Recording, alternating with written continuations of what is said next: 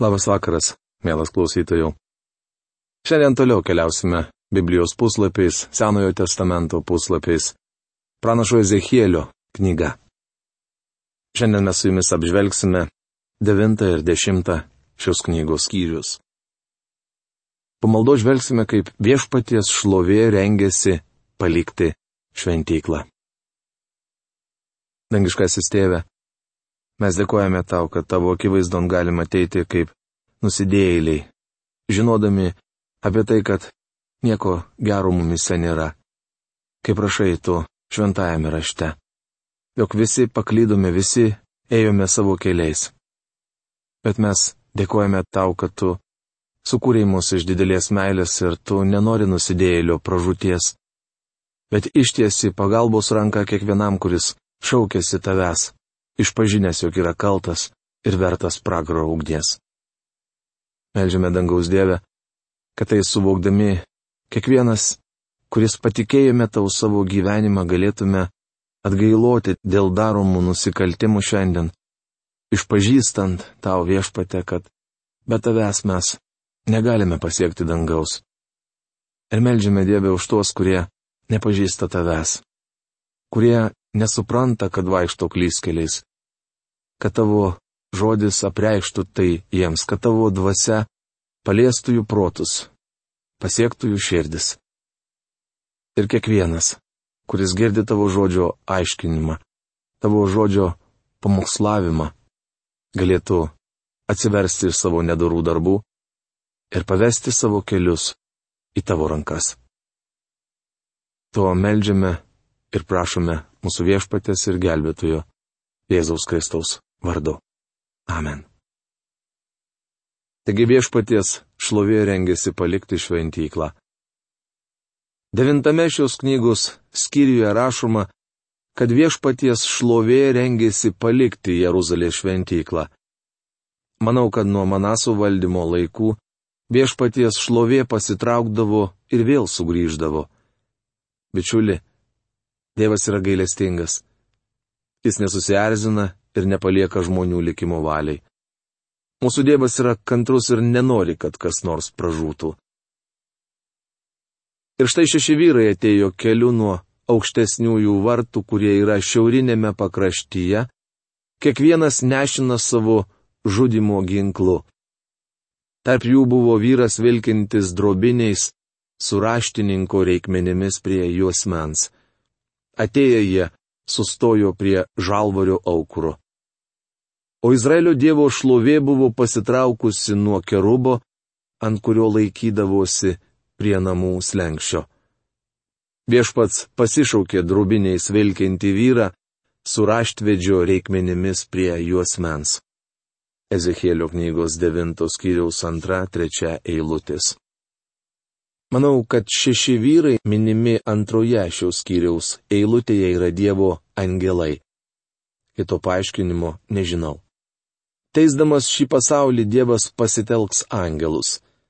Svarbu atkreipti dėmesį, kad angelai siejami su Izraelio tauta ir su bažnyčia neturi nieko bendro. Apaštalų darbų knygoje rašoma, kad sėkminių dieną nužengė ne angelai, bet šventoji dvasia. Kai viešpats Jėzus Kristus sugrįž pasiimti iš pasaulio savo bažnyčios, angelų su juo nebus. Tačiau ateidamas į žemę įsteigti savosios karalystės, Kristus atsiūs savo angelus. Evangelijos pagal Mata 13 skyriaus 41 eilutėje skaitome. Žmogaus sunus išsiūs savo angelus. Tie išrankius iš jo karalystės visus papiktintojus bei nedorėlius. Evangelijos pagal Mata 16 skyriaus 27 eilutėje parašyta. Juk žmogaus sunus ateis savo tėvo šlovėje su savo angelais ir tuomet jis atlygins kiekvienam pagal jo darbus. O antro laiško tesalonikiečiams pirmos skyriaus 7-8 eilutėse apaštalas Paulius rašo o jums, engiamiesiems. Atmokės atilsių draugės su mumis, kai viešpats Jėzus su savo galybės angelais apsireikš iš dangaus liepsnojančioje ugnyje ir atmokės tiems, kurie nepripažįsta Dievo ir nepaklūsta mūsų viešpatis Jėzaus Evangelijai. Apreiškimo knygos pradžioje bažnyčia minima gana dažnai, tačiau nuo trečios skyriaus apie ją nebeusimenama. Tikriausiai jums įdomu kodėl. Taip yra dėl to, kad toliau apreiškimo knygoje rašoma apie tai, kas vyks tuo met, kai bažnyčia bus paimta į žemės ir angelai ims vykdyti Dievo teismą. O Izraelio Dievo šlovė buvo pasitraukusi nuo kerubo. Tai reiškia, kad ji buvo pasitraukusi nuo šventosios vietos. Kaip žinote, kerubai savo sparnais dengė malonės sostą. Ezekėlis matė, kad Dievo šlovė, kuri buvo jo artumo ženklas, apleido malonę sostą. Ir tarė jam. Pereik per miestą, per Jeruzalę ir pažymėk tavo ženklų kaktas dūsaujančių ir dėjuojančių dėl visų bjauriųjų nusikaltimų, kurie jame daromi. Ezekėlio knygos 9 skyriaus 4 eilutė. Anksčiau Dievas sakė, paženklink žmonės, kurie daro šios bjaurius nusikaltimus, aš juos teisiu. Dabar raštininkas turi pažymėti tuos, kurie dūsauja ir dėjuoja dėl visų bjauriųjų nusikaltimų. Tai miesto gyventojų likutis, kuriuos Dievas išgelbės. Jis atsakė man, Izraelio ir Judo namų kaltė be galo didelė, kraštas pilnas kraujo, o miestas ištvirkimo, nes kalbama, viešpats paliko kraštą, viešpats nemato. Ezekėlio knygos 9 skyriaus 9 eilutė. Jų žodžius galima būtų perfrazuoti taip. Dievas aklas, todėl nenusigaus iki žemės. Šiandien žmonės sako, jog Dievas miręs. Galbūt paprasta teikti, kad Dievo nėra ir jis nežino, kas vyksta žemėje. Tačiau geriau pagalvojus, tai absurdas.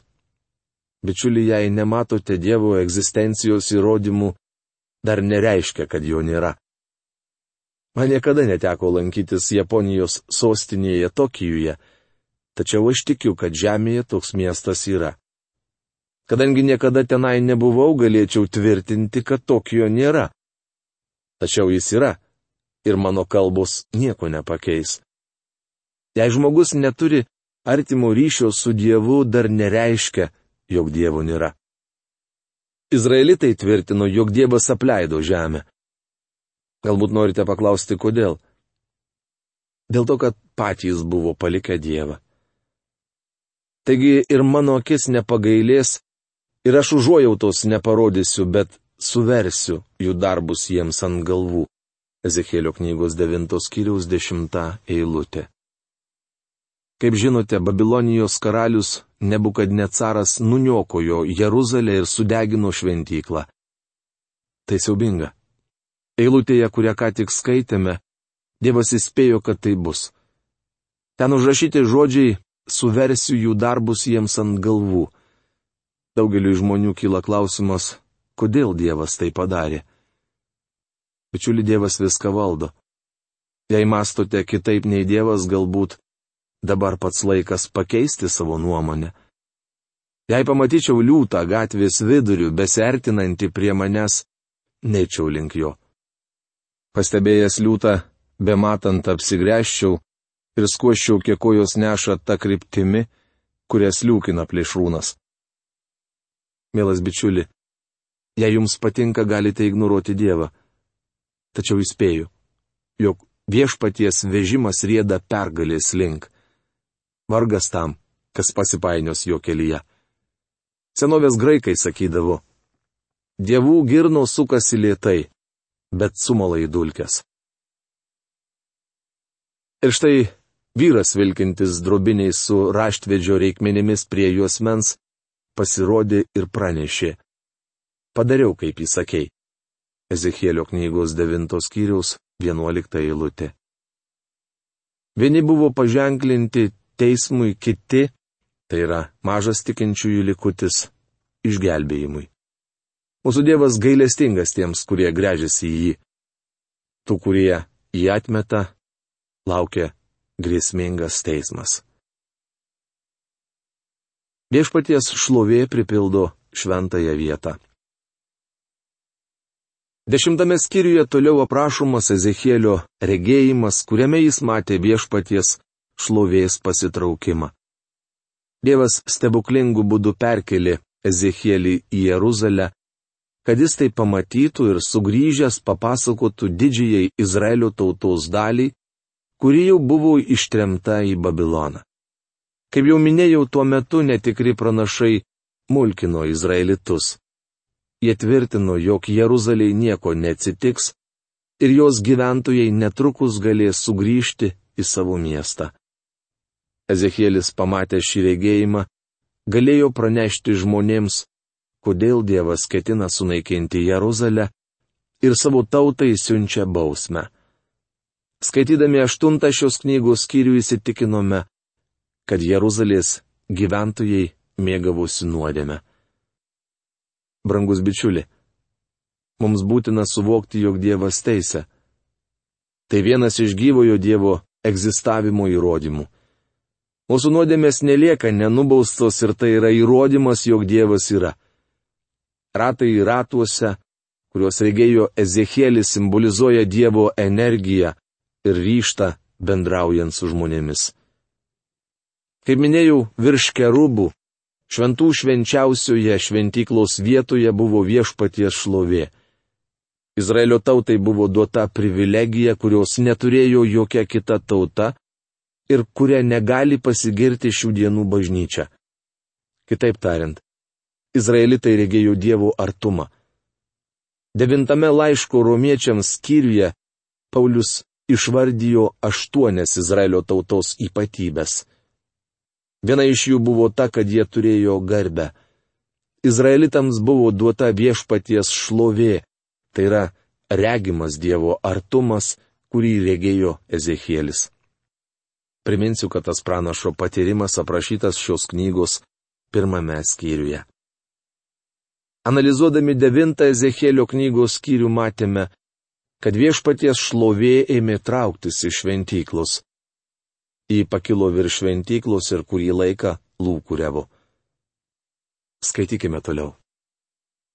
Tuomet pažvelgiau ir štai viršuje skliauto, kuris buvo viršum kerubų galvų, pasirodė lyg safyro akmuo, lygi sosta panašus pavydalas. Jis kreipėsi į drobiniais vilkinti vyrą tardamas. Eik tarp ratų po kerubais, paimk rieškučias žaryjų esančių tarp kerubų ir išžarstyk jas ant miesto. Jis įėjo man matant. Ezekėlio knygos dešimtos kiriaus pirma, antra eilutės. Drobiniais vilkintis vyras turėjo susemti nuo aukuro žaryjas ir išžarstyti jas po visą miestą. Kaip žinote, malonės sostas būdavo pašlakstomas ant aukuro atnašaujamos aukos krauju. Žarijos minimos šioje eilutėje simbolizuoja teismą. Kadangi Dievo tauta atmetė Dievo malonę, gailestingumą ir atpirkimą, dėl to jos laukia teismas.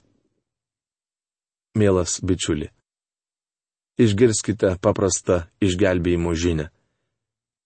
Dievas atsiuntė savo sūnų, nes myli jūs. Būdamas šventas jis turėjo prisimti kaltę už mano ir jūsų nuodėmes, tai yra jis privalėjo numirti ant kryžiaus. Kristus yra permaldavimas už mūsų nuodėmes. Beje, ne tik už mūsų, bet ir už viso pasaulio nuodėmes. Šiandien galite ateiti prie malonės sosto, tačiau jei atmetate jį, turėsite stoti prieš Dievo teismą. Kristus prisėmė jums skirtą bausmę. Tai vienintelis nuodėmių atleidimo pagrindas.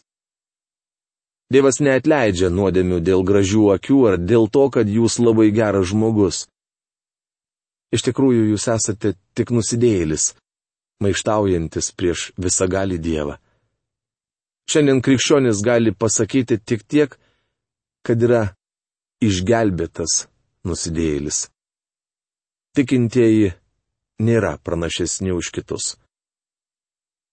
Toliau skaitydami Ezekėlio knygą pamatysime, kad Jeruzalę, pačiame žemės centre įsikūrusi miestą, ištiks Dievo bausmė. Atkreipkite dėmesį, kad Dievas Jeruzalę vadina žemės centru.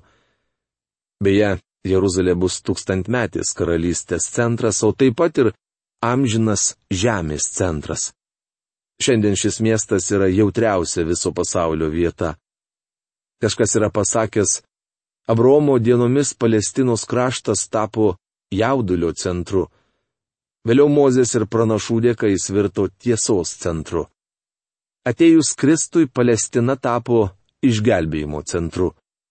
Nuo to laiko, kai viešpats buvo atstumtas, ji yra audrų centras. Šventajame rašte sakoma, jog Mesijo karalystės laikais Jeruzalė bus ramybės centras ir naujosios visatos šlovės centras. Ezekėlis regėjo, kai viešpaties šlovė pasitraukė nuo Jeruzalės, tačiau Dievas turi šiam miestui amžiną planą. Viešpaties šlovė persikėlė nuo kerubų prie namų slengščio Namai buvo pripildyti debesies ir kiemas buvo pilnas viešpaties šlovės pašvaistės. Ezechielio knygos dešimtos skyriaus ketvirta eilutė. Iki tol viešpaties šlovė buvo šventojoje vietoje ir tauta galėjo artintis prie Dievo. Tačiau dabar šlovė paliko šventąją vietą. Pakilo nuo kerubų ir lūkuriavo virš šventyklos, tarsi duodama tautai dar vieną šansą sugrįžti pas Dievą. Kerubų sparnų užesys buvo girdėti iki pat išorinio kiemo tartum galingojo balsas, kai jis kalba. Kai jis įsakė drobiniais vilkinčiam vyrui tardamas, paimk ugnies tarp ratų esančių po kerubais, vyras įėjo ir atsistojo šalia rato. Vienas kerubas ištiesė ranką į ugnį tarp kerubų, šiek tiek paėmė jos ir įdėjo į drobiniais vilkinčio saują. Priemęs ugnį šis išėjo. Po kerubų sparnais buvo matyti ranka kaip žmogaus. Ezekėlio knygos 10 skyriaus 5-8 eilutės. Kaip jau minėjau, ši ranka simbolizuoja Dievo veiklumą. 19 psalmės pirmoje eilutėje skaitome. Dangus skelbia Dievo šlovę, Dangaus kliautas garsina jo rankų, iš tikrųjų pirštų darbą. Visa tai yra Dievo pirštų darbas. Tačiau atpirkdamas žmogų Dievas darbavosi rimčiau, negu kurdamas pasaulį. Izaijo knygos 53 skyriaus pirmoje eilutėje pranašas klausia.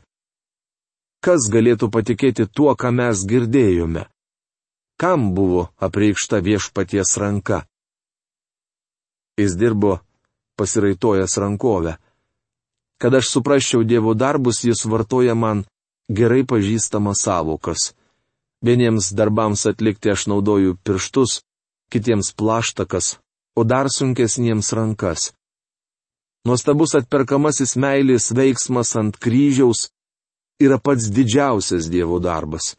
Kitaip sakant, jis darbavosi pasiraitojęs rankovės. Tuo tarpu kurdamas visą tą viešpats naudoju tik savo pirštus arba Džono Veslio žodžiais tariant.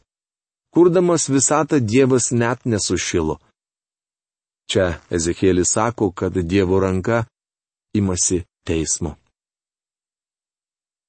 Mačiau, kaip prieda keturi ratai prie kerubų, po vieną ratą prie kiekvieno kerubo. Ratai atrodė kaip chrizolito akmens. Ezekėlio knygos 10 skyriaus 9 eilutė.